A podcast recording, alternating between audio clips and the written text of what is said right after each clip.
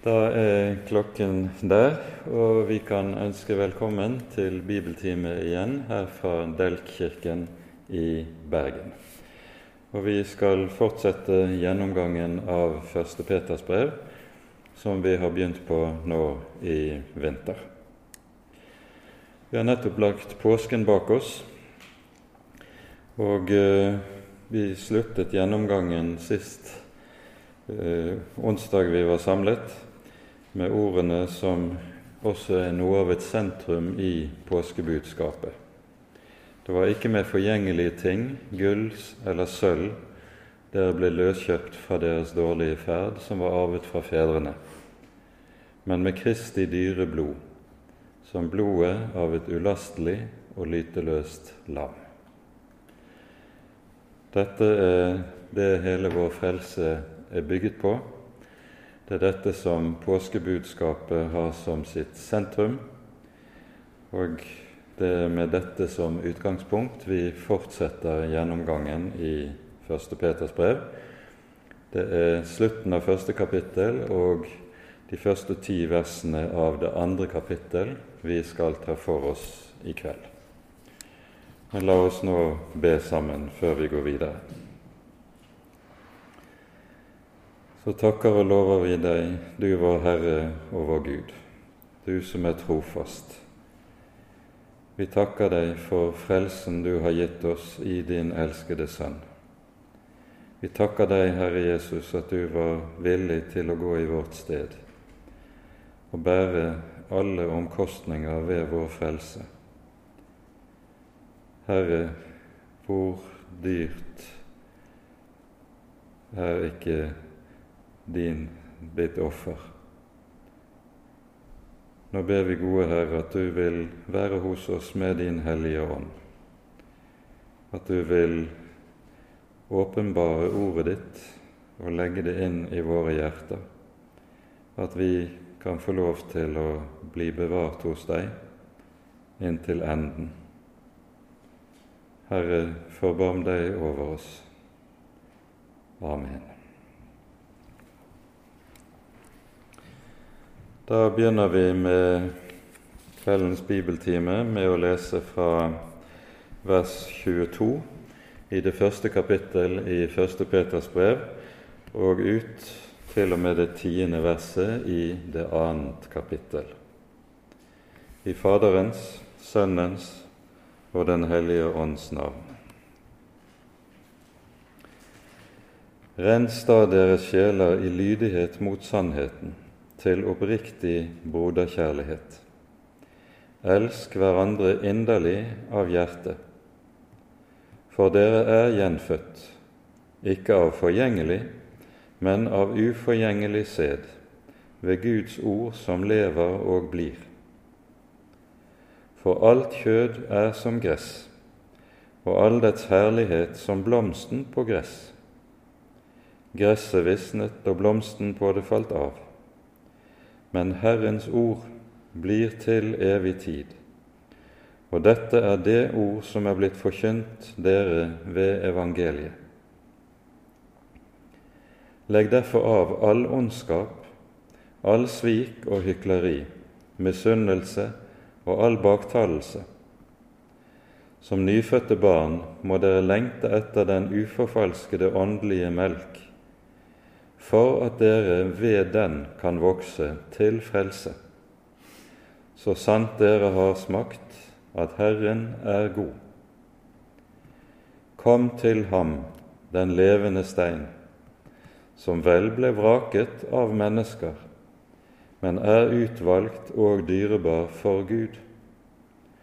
Og bli også dere selv oppbygd som levende steiner til et åndelig hus til et hellig presteskap, til å bære frem åndelige offer, slike som er Gud til behag, ved Jesus Kristus.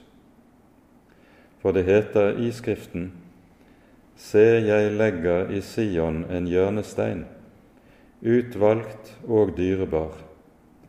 Den som tror på ham, skal ikke bli til skamme. Æren tilhører altså dere som tror, men for de vantro er den stein som bygningsmennene forkastet, blitt til hjørnestein og snublestein og anstøtsklippe. Det er disse som snubler ved sin vantro mot Ordet. Til det er de også satt. Men dere er en utvalgt ett, et kongelig presteskap, et hellig folk, et folk til eiendom, for at dere skal forkynne Hans storhet, Han som kalte dere fra mørket til sitt underfulle lys. Dere som før ikke var et folk, men nå er blitt Guds folk. Dere som før ikke hadde funnet miskunn, men nå har fått miskunn. Amen.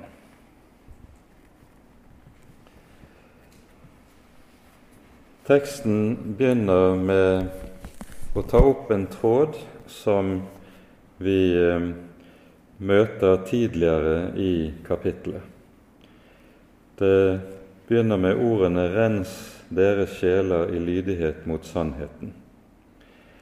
Vi hørte i det 14. og 15. verset tidligere i kapittel 1 som lydige barn må dere ikke skikke dere etter de lyster som dere før hadde i deres uvitenhet, men vær etter den hellige som kalte dere, også dere hellige, i all deres ferd.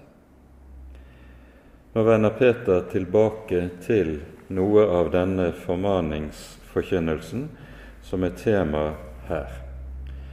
Men det som vi særlig står overfor i hele det avsnittet vi har lest, det er det fellesskap som Guds folk er i og med troen på Jesus. Og Derfor understrekes det med veldig stor styrke her at den hellighet som apostelen har talt om tidligere i kapittelet, den kommer først og fremst til uttrykk i kjærligheten mellom de troende. Hellighet kommer ikke til uttrykk i noen form for prektighet, men det kommer til uttrykk i kjærlighet, slik som apostelen taler om det her.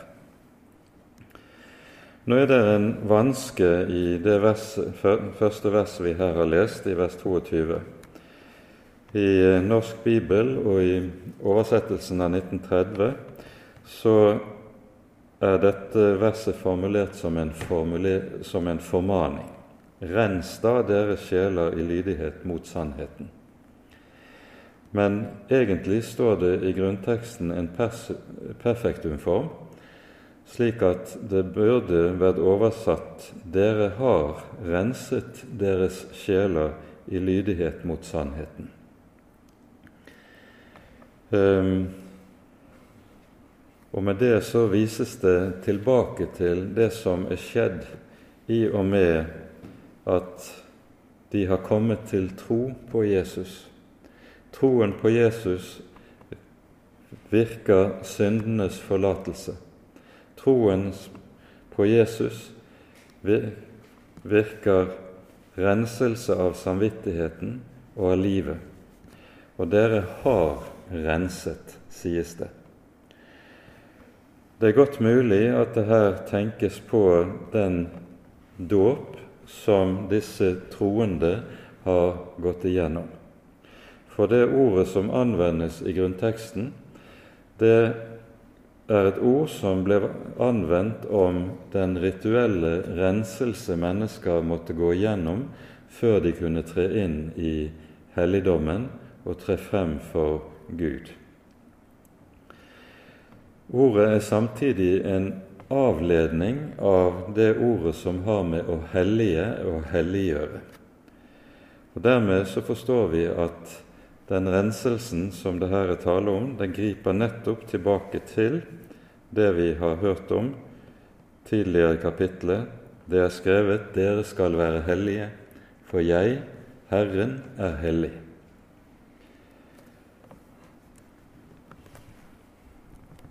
Når det sies 'dere har renset dere sjeler i lydighet mot sannheten', så må vi i denne sammenheng minne om Paulus ord i Romerbrevets sjette kapittel, der Paulus beskriver det å komme til tro på Jesus som at det er å av hjertet å bli lydige mot den lærdomsform som vi er overgitt til.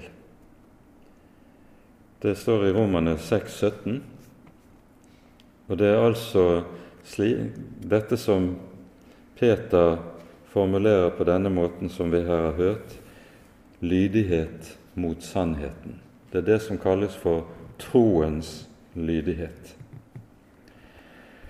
Og dette er noe som skaper broderkjærlighet, oppriktig broderkjærlighet. Eh, vi hører jo Jesus understreke i Lukasevangeliets syvende kapittel at den som er meget tilgitt, elsker meget. For slik er det at der syndenes forlatelse får gjøre sin gjerning i et menneskes hjerte, der skapes det også en trang til å elske, og først og fremst å elske sine medkristne, som har fått del i den samme nåde, i det samme evangelium, i det samme liv. Og Det er nettopp dette fellesskap i evangeliet som er hovedtema i det som apostelen skriver i hele avsnittet som vi nå har for oss. Det sies også i, her 'elsk hverandre inderlig av hjertet'. Når det taler om å elske av hjertet, så er det altså tale om noe langt mer enn høflighet. At man oppfører seg dannet og som folk overfor andre mennesker. Det er noe langt mer enn det det taler om i denne sammenheng. Ordet som her er oversatt med 'inderlig', det har betydningen også utholdenhet. Det å ikke gå trett Eh, det er eh, et poeng som vi møter oss flere andre steder i brevene. I Galaterbrevet i det sjette kapittel så sier Paulus 'la oss gjøre det gode og ikke bli trette'. Det er noen mennesker som har det med det å gjøre at de, sånn som ordtaket sier, det er opp som en løve og ned som en skinnfell. De er veldig ivrige til å begynne med, men så går det litt tid, og så slakkes det, de blir trette. De kan ikke holde ved. Og Denne manglende utholdenhet den vitner om manglende rotfeste i troen. Jesus er jo inne på samme sak i lignelsen om de fire slags eh, sædjord, som vi finner i Matteusevangeliets 13. kapittel. Det er noen som tar imot ordet straks og med stor glede, men så hører vi går det en tid, og de blir utsatt for trengsel og vansker for evangeliets skyld. Da blir de tørre, de visner, for, sier Jesus, de har ikke rot. Det er disse som det der såkornet falt på steingrunn. Det hadde ikke jordsmonn nok til at det kunne ha rot. Men her tales det altså om elsk hverandre utholdende og av hjertet. For dere er gjenfødt, ikke av forgjengelig, men av uforgjengelig sæd ved Guds ord som lever og blir. Og Her må vi minne om ordene i 1. Johannes brevs 5. kapittel, der det står slik i det første verset. Hver den som tror at Jesus er Kristus, er født av Gud. Og hver den som elsker Faderen, elsker også den som er født av Faderen. Vi er nemlig søsken. Vi har den samme far.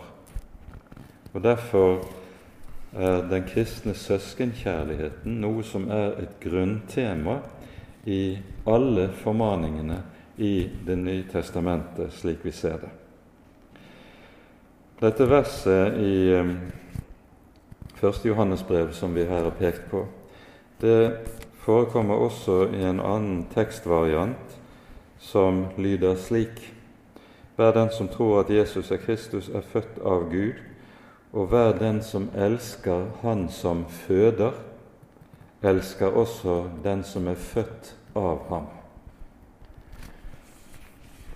Og Dette understreker enda sterkere for oss det at det å høre Herren til, det er å få en ny familietilhørighet der vi blir barn av den samme far.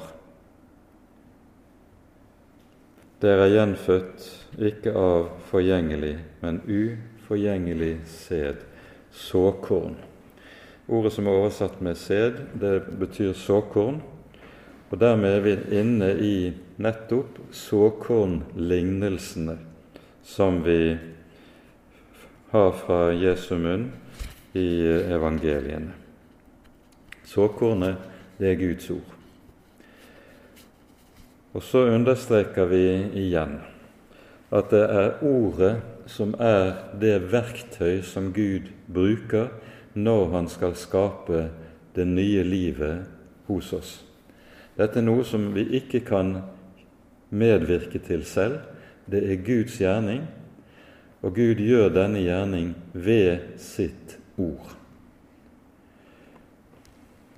I eh, salmen om, eh, som Grundtvig har skrevet, 'Vidunderligst av alt på jord', lyder de et av de siste versene. Dets gåte, altså Guds rikets gåte, dets gåte er et guddomsord som skaper hva det nevner. Og det er nettopp det som er ordets gjerning. Det er det som skaper det nye livet i et kristent menneske. Nå er det mange som mener at Peter her, uten å si det, egentlig har dåpen i tanke at vi gjenfødes ved dåpen, for dåpen har nemlig sin virkekraft i og med Kristi løfte, i og med Kristi ord. Det behøver nødvendigvis ikke å være slik. Poenget er at både dåpen og ordet er virksomme nådemidler.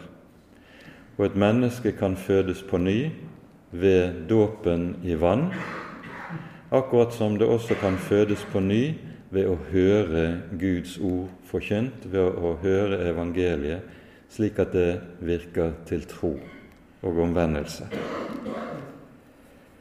På denne måten så er begge disse to nådemidler virkekraftige og skaper det nye livet, den nye fødselen. Og dette ordet lever og blir legger Peter til. Og vi husker ordene fra Hebreabrevets fjerde kapittel. Guds ord er levende og virkekraftig og trenger igjennom. Ordet er et levende ord. Og her kan vi igjen minne om kanskje noe som vi har understreket ved flere anledninger ellers.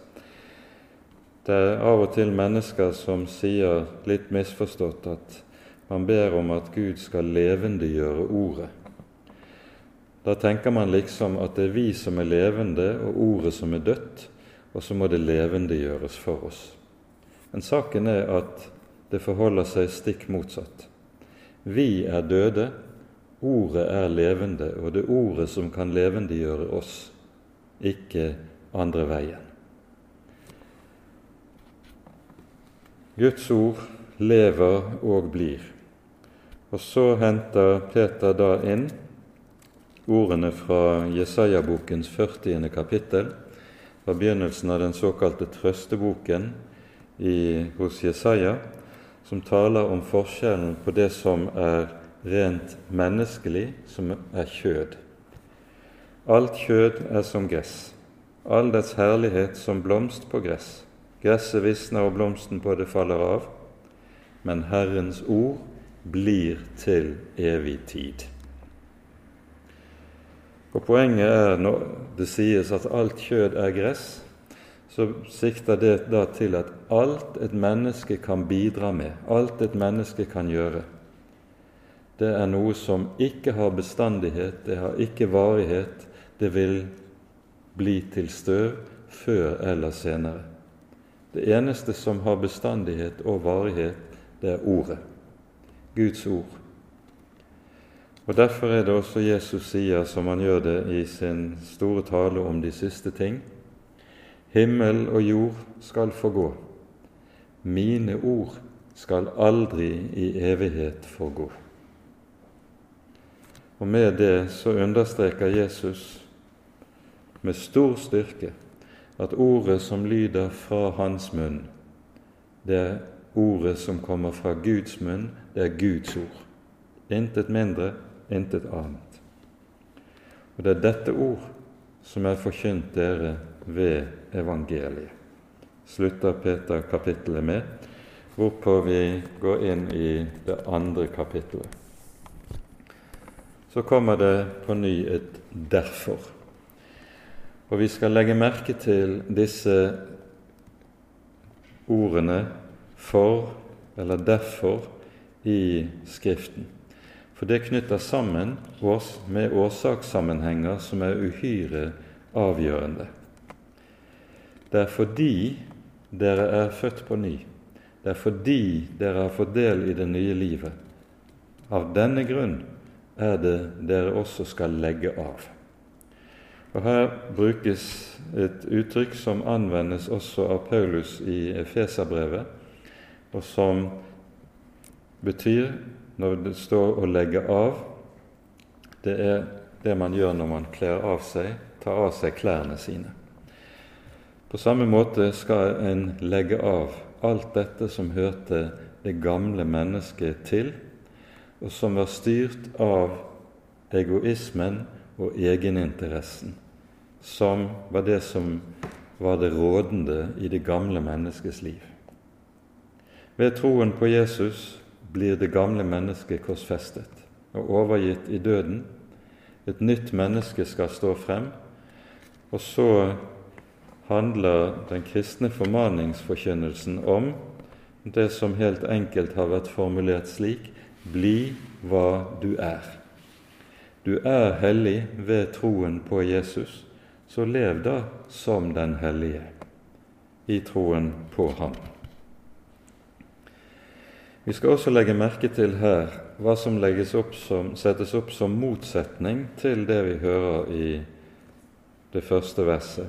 Legg derfor av all ondskap, all svik, hykleri, misunnelse og baktalelse så sies det ikke motsatt skal dere være gode, uten svik, ærlige og samferdige osv.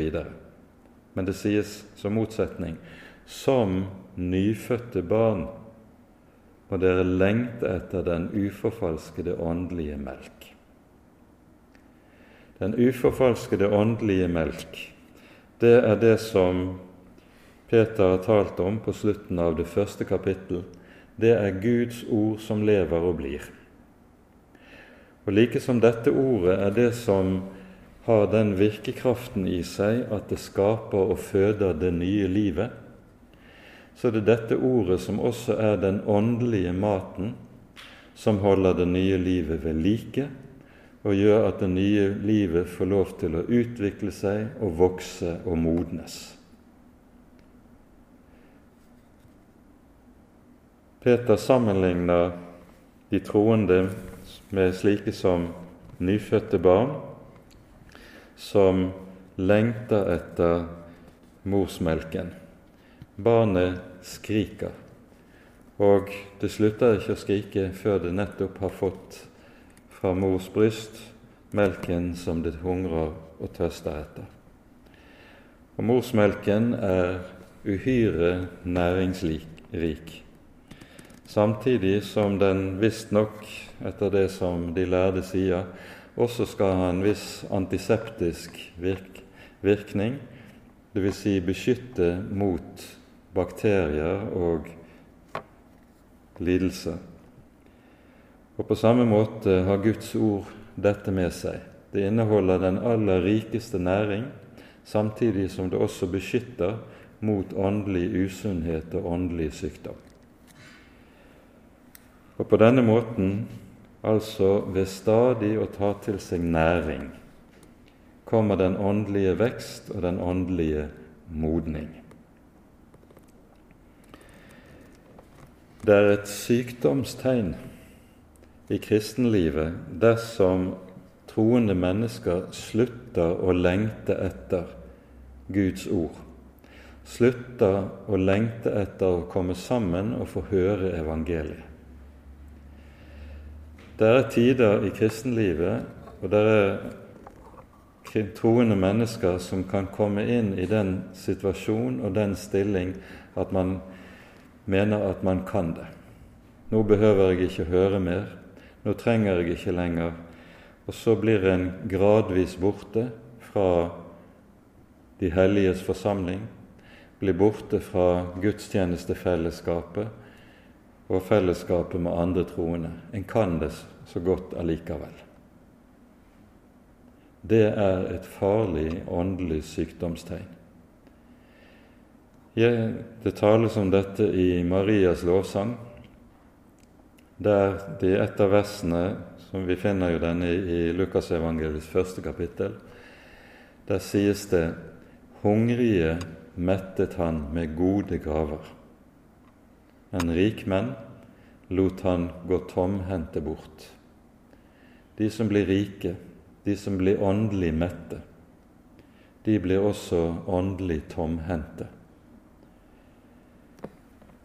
Og dette er noe som vi trenger å be Herren inderlig om, at Han bevarer oss som de som er hungrige og tørste, sultne etter å få høre Herrens ord. At vi aldri kommer dit hen at vi blir så mette at vi mener vi kan det.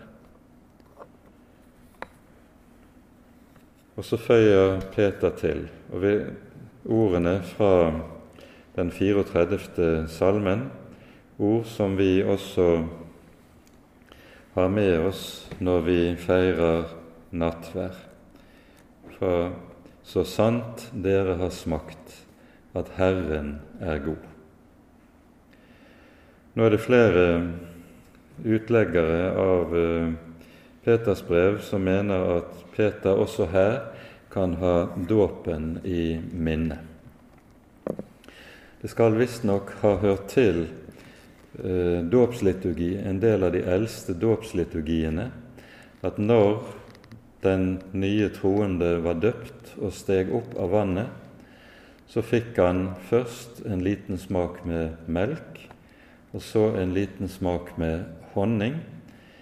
For i billedlig tale var han nå, eller i åndelig tale var han nå kommet inn i landet som drypper av melk og honning. Smak og se at Herren er god. Det er godt mulig at dette kan ligge bakom, og at de som mottar Peters brev, de første som mottar Peters brevet, veldig godt vet hva Peter har i tanke når han skriver som han gjør. Så fortsetter kapittel 2 i det fjerde verset med å si:" Kom til ham, den levende sten, som ble vraket av mennesker, men er utvalgt og dyrebar for Gud. I de versene som nå kommer fra vers 4 til og med vers 8, så bruker Peter eh, et bilde fra Salmenes bok og fra profeten Jesaja, som var uhyre betydningsfullt. Ehm, først har vi ordene fra Salme 118. Den sten som bygningsmennene forkastet, er blitt hovedhjørnesten. Dette hintes det til i vers 4, og så siteres det direkte fra dette ordet i eh, det syvende verset. Og Dette ordet i Salme 118 det er et ord som er tydelig uhyre viktig i den eldste kristne forkynnelsen, ikke minst overfor det jødiske folk. Vi hører Peter henter det frem i sin forsvarstale for Det høye råd i apostelgjerningenes fjerde kapittel, når Peter og Johannes er arrestert for sin forkynnelse av evangeliet i Jerusalem, så har han en kort forsvarstale, og her siterer han bl.a. for Det høye råd ordene i Salme 118. Dette står i apostelgjerningene 4. Og anvender det direkte på Det høye råd. Dere er bygningsmennene som forkastet Han som var den kostelige sten, men nå har Gud ved oppstandelsen fra de døde gjort ham til hovedhjørnesten.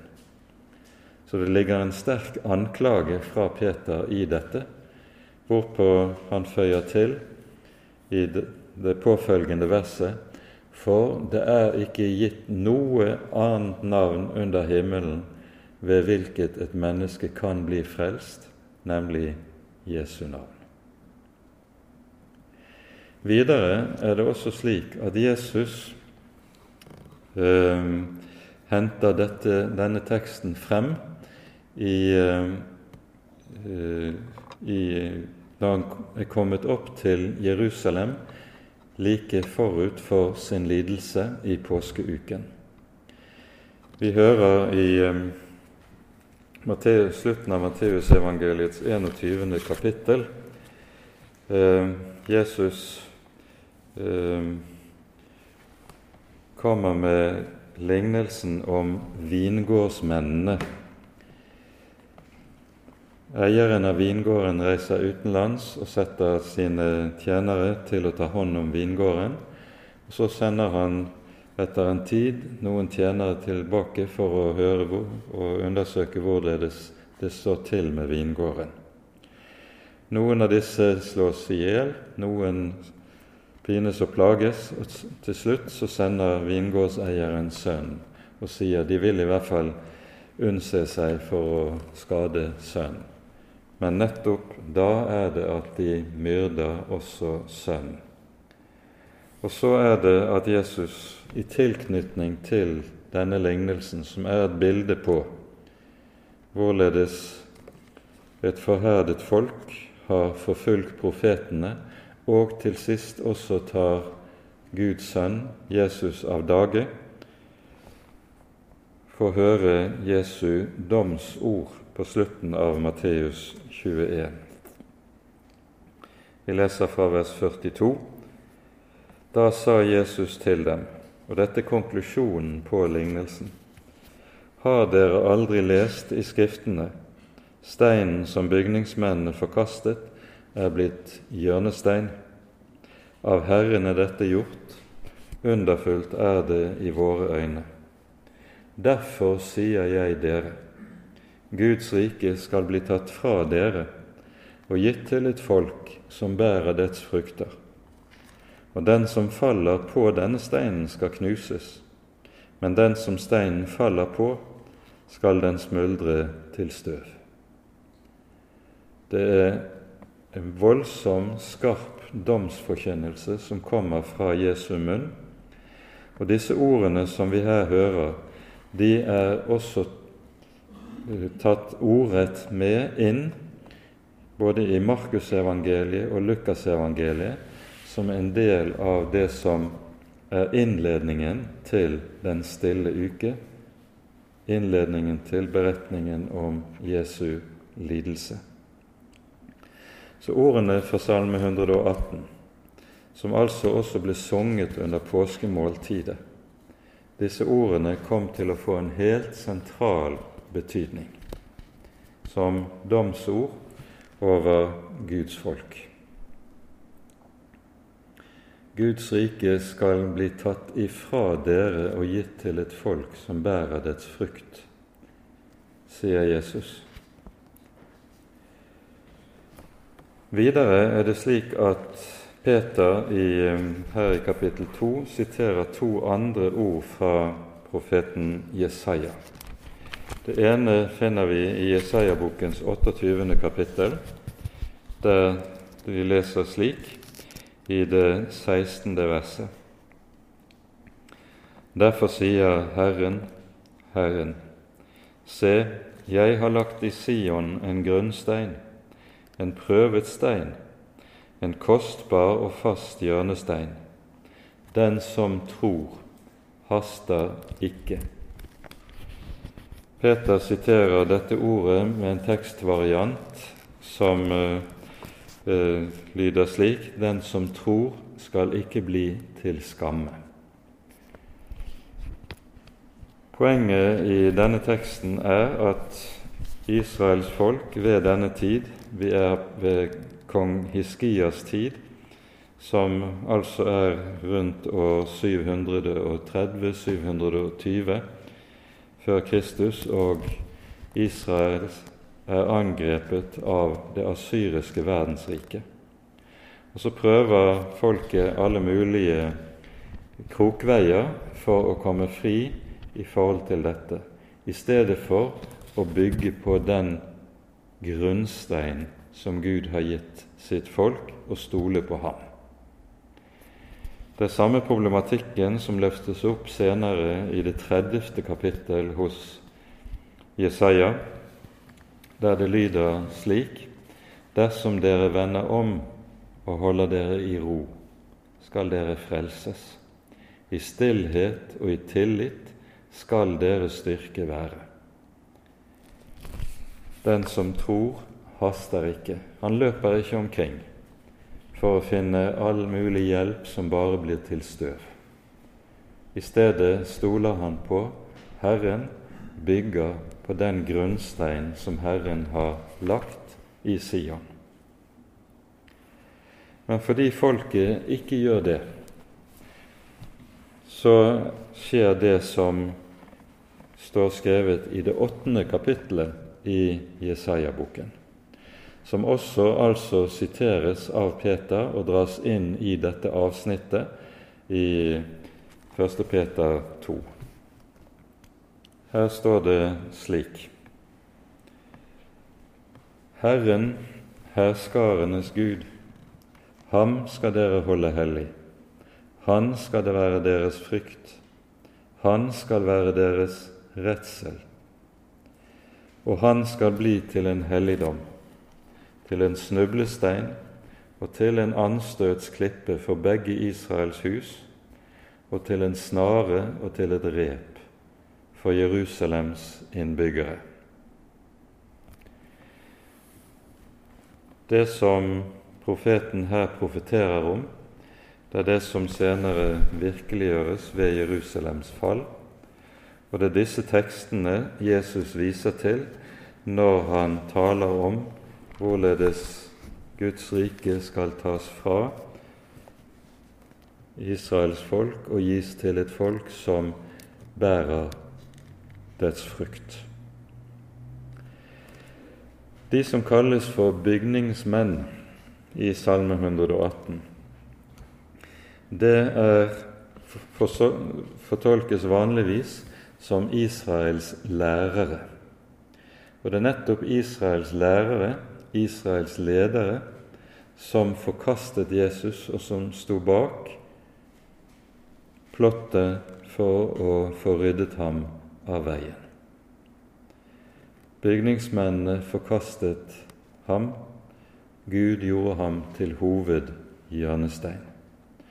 Og det hele denne sterke billedtalen hentet fra Salme 118 og profeten Jesaja som Peter her anvender. Samtidig så kobler han dette sammen med to andre saker. For det første er det tale om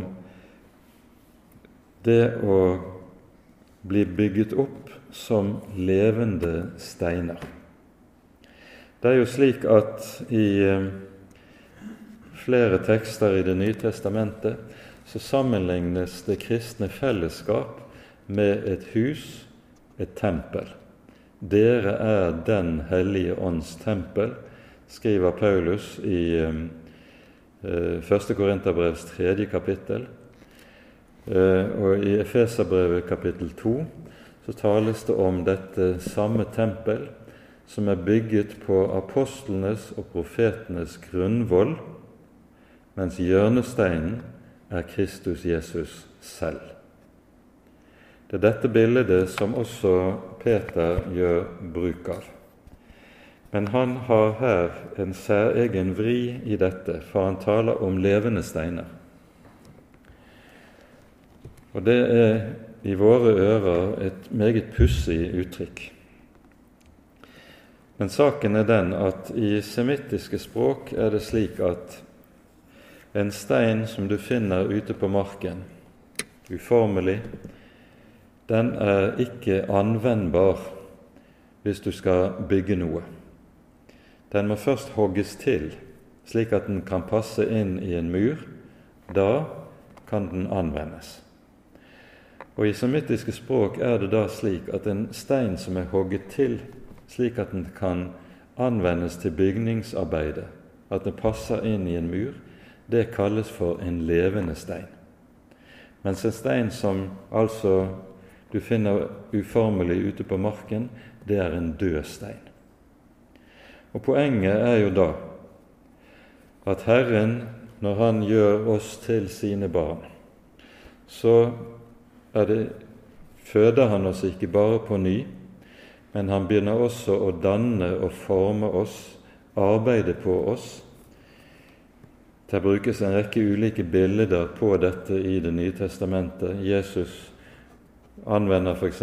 med bilder av vintreet i Johannesevangeliet kapittel 15. Så taler han og sier 'Hver gren på meg som bærer frukt, den renser han'. Og Renselsen består i eh, at vintreet beskjæres noe som kan se relativt brutalt ut. Men dette er altså en del av den dannelse som Gud utfører på sine troende. Når du er blitt et Guds barn, så er du også gjenstand for Guds arbeid på å danne og forme deg. Og dette er altså de to gjerninger Gud gjør i et kristent menneskes liv. Først føder han på ny, skaper det nye livet ved troen på Jesus. Og så fortsetter han med å arbeide på deg, med å danne og forme deg. Noe av det viktigste i denne dannelsesprosessen er at han legger korset inn over livet vårt. Det tales der om ganske særlig tydelig i Hebreabrevets tolvte kapittel. Han tukter oss, sies det, til vårt gagn, for at vi skal få del i Hans hellighet. Det er den måten Gud arbeider på oss og i våre liv. Han anvender korset, og han anvender sitt, ord i dette arbeidet. Og korset og ordet sammen er et meget virkekraftig verktøy i Guds hånd når han skal hogge til steinene, slik at de blir levende steiner som er føyet sammen. Vi pekte på hvorledes dette er et avsnitt som taler om det kristne fellesskap. For det å bli en kristen, det er alltid å bli en del av et fellesskap. Det, Gud, vi har sagt det slik noen ganger Gud har ingen enebarn når du kommer til Herren Jesus, så blir du en gren på vintreet. Der er ikke bare én gren på dette treet, det er tallrike grener. Og grenene hører sammen. Du blir en stein i bygningen, men du er ikke alene stein. Der er mange steiner sammen. Og slik er det kristne fellesskapet noe som er helt avgjørende som en del av det å bli et Guds barn. Du blir en, et lem i Guds folk. Og Derfor er det sånn som vi av og til også har sagt det kristendommen er en fellesskapsreligion. Man dyrker ikke Gud på egen hånd, men vi kommer sammen som Guds folk, og vi har stor glede av å komme sammen. Nettopp dette er jo noe av det som har vært mest smertefullt for oss som menighet i det året som ligger bak, at vi hindres fra å komme sammen. Vi får ikke lov pga. smittefaren. Og vi ser frem til den dagen vi på ny skal få lov til å komme sammen på normal måte og glede oss over fellesskapet vi har i troen. Å være en kristen det er å bli en del av det åndelige byggverket, å bli en levende sten i tempelet. Det andre bildet som Peter her anvender, det er at han taler om å bli et hellig presteskap. Det han uttrykket brukes i vers 5, så møter vi det igjen i det niende verset. Med bakgrunn i dette så har man talt om det som kalles for det allmenne prestedømmet. Alle kristne er prester i denne betydning av ordet. Nå er det slik at dette ordet prest det skaper av det norske språket en god del forvirring. For Når vi hører ordet prest, så tenker vi på f.eks. den tjenesten som jeg står oppe i, eller sognepresten i Den norske kirke. Det norske ordet for prest som anvendes i denne betydningen, det er egentlig en fornorsking av det greske ordet presbyter, som betyr eldste. Og i denne forstand, å være presbyter og være eldste, så er ikke alle kristne det. Til å komme inn i den tjenesten kreves det et særlig kall fra menigheten med alt det som hører sammen med det. Ikke alle kristne er, har det, det kallet og den gjerningen. Det ordet som anvendes for prest her, det er et gresk ord som er oversettelse av det hebraiske ordet kohen i Det gamle testamentet, og som anvendes om prestene i tempelet. Det er altså tale om de som er offerprester og gjorde offertjeneste i tempelet. Og hva er det som kjennetegnet disse? Vi har en definisjon av uh, hva det vil si å være prest i ordets gammeltestamentlige forstand i 4. Mosebok 16. kapittel. Og Der defineres det slik at prest er den som har rett til å tre Herren nær. Det å tre Herren nær, det var uttrykket for det å få tre inn i helligdommen, inn i tempelet. Vanlige folk hadde jo ikke lov til å gå inn i tempelet. Det var kun prestene som hadde lov til dette. Og det var kun ypperstepresten som kunne gå inn i det aller helligste. Folket ellers var ute i forgården utenfor selve tempelbygget. Og Det sies uttrykkelig i lovgivningen i Mosebøkene at dersom en fremmed kommer nær til, da skal han dø. Det er kun den innviede prest som hadde rett til å tre frem for Herren i denne forstand. Og Det andre som hørte til prestetjenesten, det var altså det at presten skulle frembringe offer på alteret i helligdommen. Når alle kristne kalles for prester i denne forstand, så innebærer det altså både det at alle kristne har rett til å tre Herren nær. Det er dette som vi hører om i, i det tiende kapittelet i Hebreabrevet, når det sies slik Brødre, vi har altså i Jesu blod frimodighet til å gå inn i helligdommen. Til den har Han, altså Jesus, innviet oss en ny og levende vei gjennom forhenget. Det er denne åpnede adgang inn til Gud, inn i helligdommen, inn for Guds ansikt, som hvert kristent menneske har fått.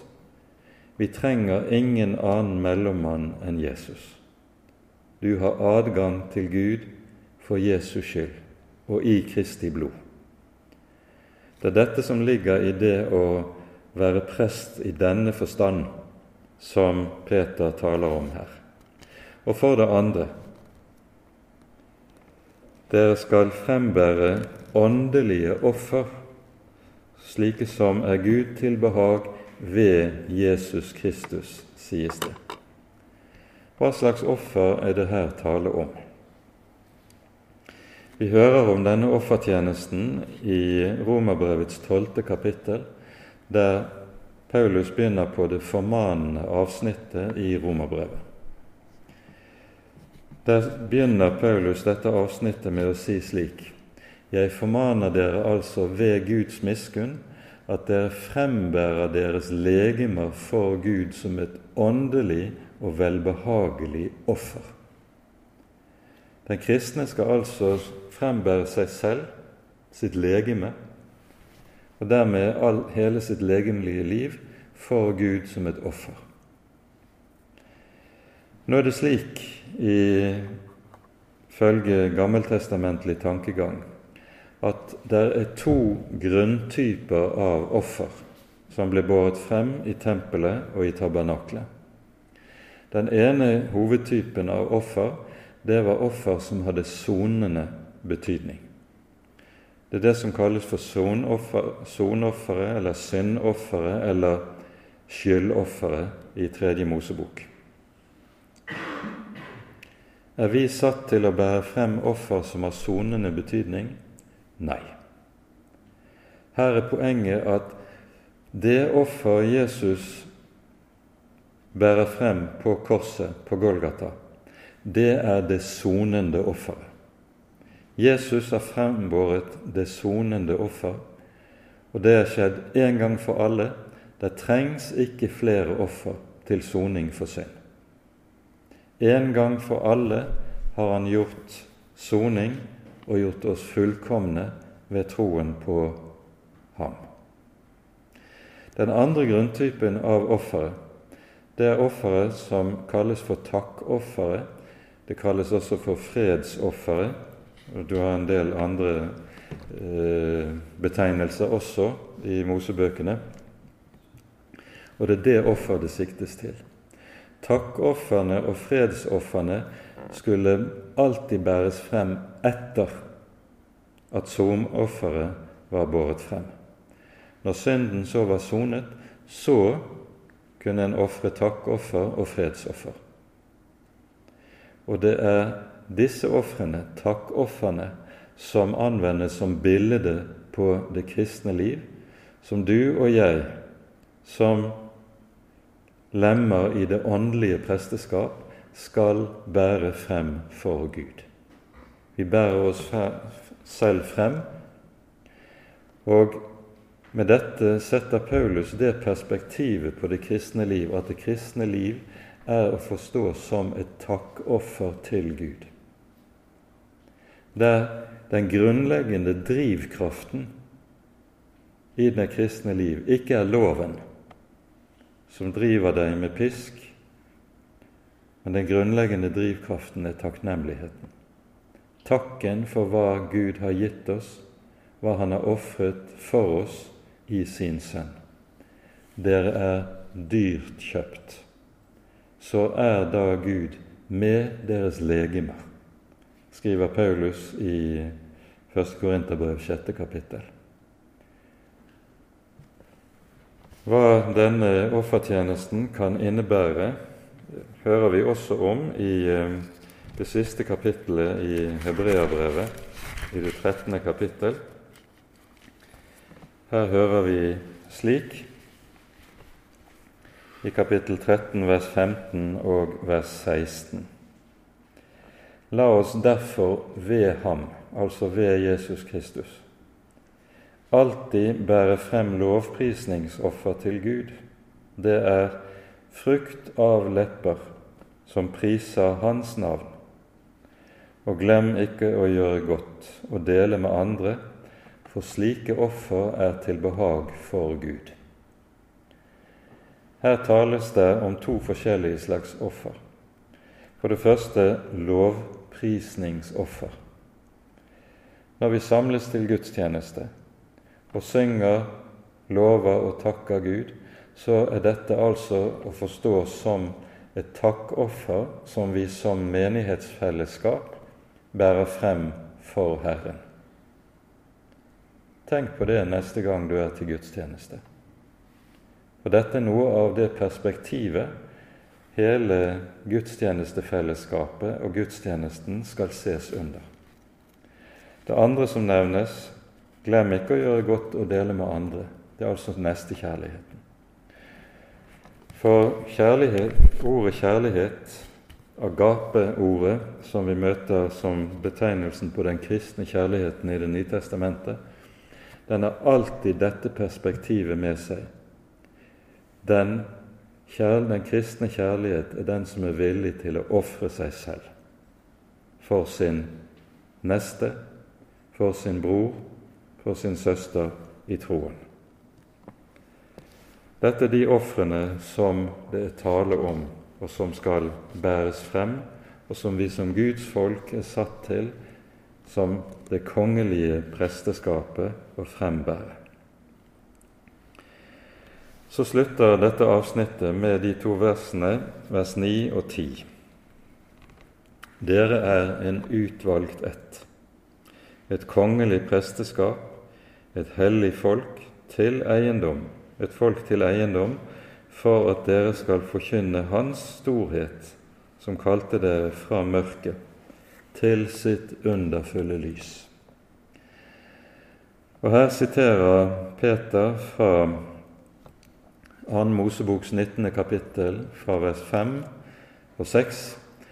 Det er når Israels folk etter utgangen av Egypt har nådd frem til Sinai. Og så er det at Herren som innledning til lovgivningen ved Sinai sier disse ordene som vi hører i 2. Mosebok 19. Dersom dere nå hørende hører min røst, da skal dere være min eiendom fremfor alle folk, for hele jorden er min. Og dere skal være et kongerike av prester for meg og et hellig folk. Dette er de ord som du skal tale til Israels barn. Dette ble sagt til Israels folk. Dette er det privilegium og det kall som Abrahams slekt var kalt til. Ved troen på Jesus er hedningene podet inn på stammen og har fått del i Abrahams løfte og kalles også Abrahams barn. Slik som vi ser det flere steder, bl.a. i Romerbrevet, understrekes dette. Vi er podet inn på oljetreet, og vi har dermed også fått del i de store løfter og privilegier som Israel fikk og ble lovet ved Sinai selv om vi er hedninger, selv om vi ikke er jøder av fødsel. Og Derfor lyder det til den troende kristne menighet dere er et utvalgt folk. Dere er et kongelig presteskap. Dere er et hellig folk, et folk til eiendom. Med dette så står vi overfor det begrepet 'hellig' på ny, som vi har pekt på, som betegner utskillelse eller adskillelse. Når Gud utvalgte Israels folk, så skilte han dem ut fra alle andre folk. Og ved troen på Jesus er du også blitt en som hører til det utvalgte folk, som er skilt ut fra alle andre folk. Og Denne utskillelsen er uhyre betydningsfull, fordi i dette ligger det jo at det å høre til Guds folk, det er å høre til det annerledes folket, det folket som ikke lever slik som alle andre mennesker gjør. Guds folk som troende er vi satt til å være en motkultur her i verden i forhold til hvorledes denne verdens mennesker lever. I vår bibel så hører vi hvorledes Gud skiller ut også en særlig dag, nemlig hviledagen, lørdagen, som den hellige dagen. Det sies i Første Mosebok i forbindelse med skapelsen at Gud fullfører sitt verk, og så helliger han hviledagen.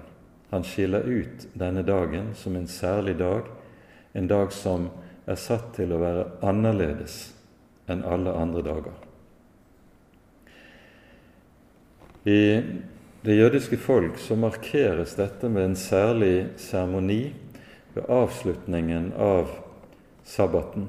Når sabbaten går ut, når de første tre stjernene viser seg på kvelden, på sabbaten, og sabbaten eh, går over i søndagen, så innledes denne seremonien som kalles havdalah. Det er et hebraisk ord som betyr adskillelse. Og når og denne adskillelsesseremonien den skal markere forskjellen mellom det hellige og det som ikke er helliget. Og Derfor bes det denne bønnen nettopp i forbindelse med Havdalah-seremonien. Det er en ganske kort, men hellig handling i et jødisk hjem. Den ber slik.: Vi takker deg, Herre vår Gud, himmelens og jordens konge, fordi du har satt et skille mellom hellig og det som er sekulært, mellom ditt folk Israel og alle andre folk, mellom hviledagen og alle andre dager. En markerer dette at det er et skille, det er et forskjell. Vi har levet i en tid i etterkrigstiden der det er blitt om å gjøre at også søndagen skal bli mest mulig alminnelig og lik alle andre dager. Og også vi som kristne skal likesom kunne dokumentere at vi er som alle andre mennesker. Vi skal ikke gi oss hen i noen påtatt annerledeshet. Men Bibelen taler altså om at det å være det hellige folket, det er å være et annerledes folk. Og dette kommer til å bli viktigere og viktigere i den tiden som nå ligger foran. Fordi vi til, vi står overfor en tid der det å bekjenne troen på Jesus og troen på Guds ord kommer til å bli vanskeligere og vanskeligere og koste mer og mer. Da er det helt nødvendig at en også er seg bevisst dette å høre til det hellige folket, er å høre til et annerledes folk. Så sies det i dette verset, og det skal vi slutte med Når vi hører til dette, så er det fordi vi skal forkynne Hans storhet, som kalte dere fra mørket til sitt underfulle lys. Da er vi fremme ved det siste, enda et bibelord som eh, Peter viser til fra Det gamle testamentet, nemlig Jesaja-bokens 43. kapittel, vers 21. Der sier Herren:" Det folk jeg har dannet meg, skal forkynne min pris. Og ha, når du leser det ordet, i minne hva vi har sagt om Herrens dannende gjerning i et kristent menneskes liv. Han danner oss nettopp med tanke på at vi skal kunne gjøre dette. Og så er det ordene fra Salme 145 som ligger bak det at det er tale om å forkynne Hans storhet, Hans pris. Hele Salme 145 dreier seg egentlig om dette, men vi leser bare noen få vers fra denne salmen. Jeg vil grunne på din majestets høyhet og herlighet, på dine undergjerninger. De skal tale om dine mektige gjerninger og forferdelige gjerninger.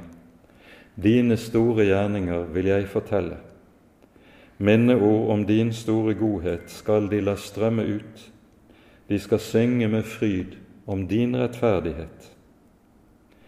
Alle dine gjerninger skal prise deg, Herre, og dine fromme skal love deg. Om ditt rikes herlighet skal de tale og fortelle om din veldige kraft, for å kunngjøre for menneskenes barn Hans veldes kraft og Hans rikes herlighet og ære. Vi kunne godt lest hele salmen, men det har vi ikke tid til. Det folk jeg har dannet meg, skal forkynne min pris, sier Herren. Og hva denne Herrens pris dreier seg om, det er tema, ikke minst for en salme som den vi har her vist til, Salme 145. Hvem er de som skal tale slik? Det er de som før ikke var et folk, men nå er et folk, som før ikke hadde fått nåde, men nå har funnet miskunn. Og Med det slutter Peter dette avsnittet, og vi slutter kveldens bibeltime også her. Ære være Faderen og Sønnen og Den hellige ånd, som var og er og være skal, en sann Gud, høylovet i evighet. Amen.